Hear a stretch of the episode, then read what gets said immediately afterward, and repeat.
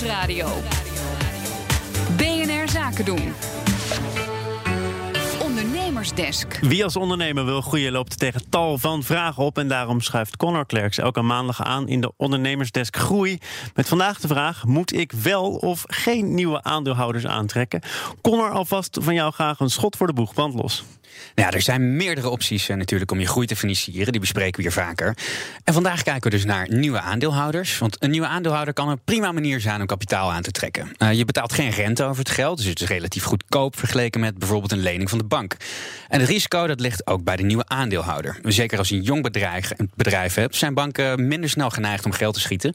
Dus dan kan een eh, aandeelhouder uitkomst bieden. En het hangt dus ook een beetje af van de fase van je onderneming waar je erin zit. Waar je wel op moet letten, zorg dat je dus dezelfde visie hebt op groei als je nieuwe partner. En dezelfde visie op de markt die je wilt betreden. En het grootste nadeel van een nieuwe aandeelhouder, dat is dat je een stuk zeggenschap verliest. Als je zelf een groot deel van de aandelen in handen hebt, ja, dan kun je snel knopen doorhakken. En zeker als het gaat om eh, nieuwe aandeelhouders die met grote bedragen komen, ja, dat kan je als eh, ondernemer dan qua zeggenschap wat moeilijkheden opleveren. De optie ligt op, op tafel, maar het heeft ook voor- en nadelen. Tijd om erover door te praten met Justin Jansen, professor Corporate Entrepreneurship aan de Erasmus Universiteit. Welkom. Ja, goedemiddag. Wat zou uw eerste advies zijn bij het zoeken naar een nieuwe aandeelhouder? Nou, ik zou eerst nog even een, eh, een stapje terug willen zetten. Ook kijken wat voor alternatieven heb je om eh, externe financiering binnen te halen. je hoeft niet gelijk naar een externe aandeelhouder te gaan. Je kan ook kijken of dat je inderdaad een lening kan, uh, kan verkrijgen. Maar je kunt ook kijken als bedrijf zijn of dat je kan financieren door middel van bijvoorbeeld subsidies. dus ik zou eerst even kijken welke mogelijkheden hebben wij eigenlijk als bedrijf zijnde om externe financiering binnen te halen. En dan zou je bijvoorbeeld kunnen kiezen inderdaad voor een externe aandeelhouder. Maar zegt u daarmee eigenlijk ook dat dat wat u betreft zelden de eerste optie zou moeten zijn? Nou, dat denk ik niet. Uh, werd net ook al even gezegd, het ligt ook een beetje aan wat voor fase je zit als bedrijf. Je ziet dat vaak bestaande MKB-bedrijven met een track record uh, eerder geneigd zijn om een lening aan te gaan met een bank. Uh, maar het is vaak wat moeilijker als je jong bent, uh, risicovoller verdienmodel bijvoorbeeld in de markt wil zetten. Dan krijg je vaak geen lening van de bank. En dan ben je toch eerder geneigd om te kijken naar alternatieven, zoals uh, subsidies of eventueel die externe aandeelhouder. En dan is juist een externe aandeelhouder een hele goede manier om aan externe financiering te komen. Ja, nu ontvang ik regelmatig mensen uh, die met hun bedrijf op zoek zijn naar investeerders. En die zeggen dan: ja, het gaat mij om smart capital. Het gaat me om het netwerk, om de kennis. Ja. En uh, dat er ook nog een bedrag bij hoort, ja, dat is mooi. Maar ja. nou vraag ik me toch af: uh, als puntje bij paaltje komt, is het dan toch niet een kwestie van vaak kiezen voor het hoogste bod? Nou, dat denk ik niet. Ze kijken inderdaad naar die, die smart capital. En aandeelhouder, uh, zeker als ze ook investeren in andere bedrijven, brengen echt wel een, een mooi en belangrijk netwerk vaak voor jonge bedrijven. Uh, geeft dus ook heel veel voordelen naast alleen maar de centjes die je kan krijgen. Ze kunnen ook helpen uh, ja, om klanten uh, naar binnen te halen. He, je kunt je ook voorstellen als je als kleine start-up wordt gefinancierd uh, door een bekende aandeelhouder, dan legitimeer je eigenlijk je hele bedrijf meteen. Maar komt u het vaak tegen dat er bedrijven zijn die niet kiezen voor het hoogste bod, maar voor een investeerder met het beste netwerk of de beste naam? Ja, ja zeker. Dat zie je eigenlijk steeds meer. Dus okay. daar nemen ze vaak wel een wel overwogen, overwogen beslissing over. Uh, wat ik al zei, sommige start-ups die zitten echt te smachten om uh, toegang tot de markt. Uh, en vaak via bepaalde aandeelhouders wordt dat makkelijker gemaakt.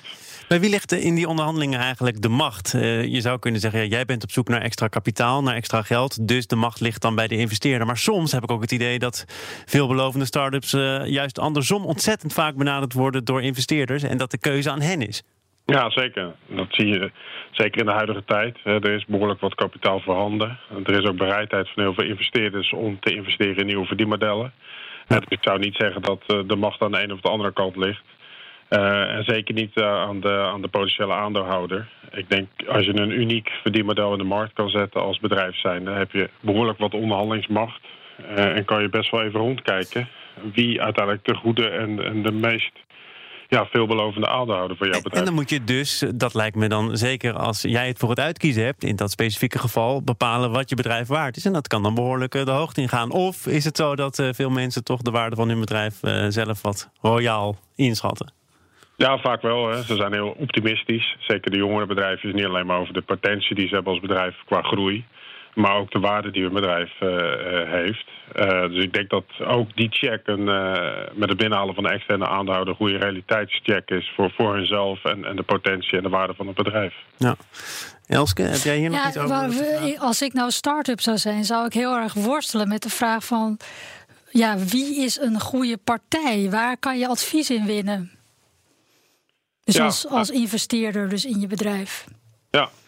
Nou, je noemde net Erasmus of Entrepreneurship. Je hebt verschillende hubs eh, in Nederland, eh, waar ook, waaraan verschillende partners zijn verbonden, waaronder ook aandeelhouders.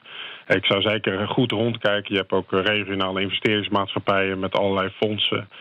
banken die eh, graag op weg willen helpen. Want ook banken, als ze een lening gaan geven, zitten ze vaak ook te wachten op andere potentiële investeerders. Dus er zijn genoeg mogelijkheden om advies in te winnen. eh, ook rondom eh, het netwerk wat je al hebt als bedrijf zijnde. Eh, familie, vrienden. Dus er zijn veel mogelijkheden, denk ik, tegenwoordig om te kijken wie een potentiële aandeelhouder zou kunnen zijn. Justin Jansen, professor Corporate Entrepreneurship aan de Erasmus Universiteit. Dank voor de toelichting en dat zeg ik uiteraard ook tegen Connor Klerks. Wij eh, spreken en horen jou eh, in de loop van deze week weer met andere ondernemersdesk. Yes, morgen. Mooi zo, tot dan. Ondernemersdesk over groei wordt mede mogelijk gemaakt door NIBC. NIBC, de bank voor ondernemende mensen. BNR Nieuwsradio. BNR Zaken doen.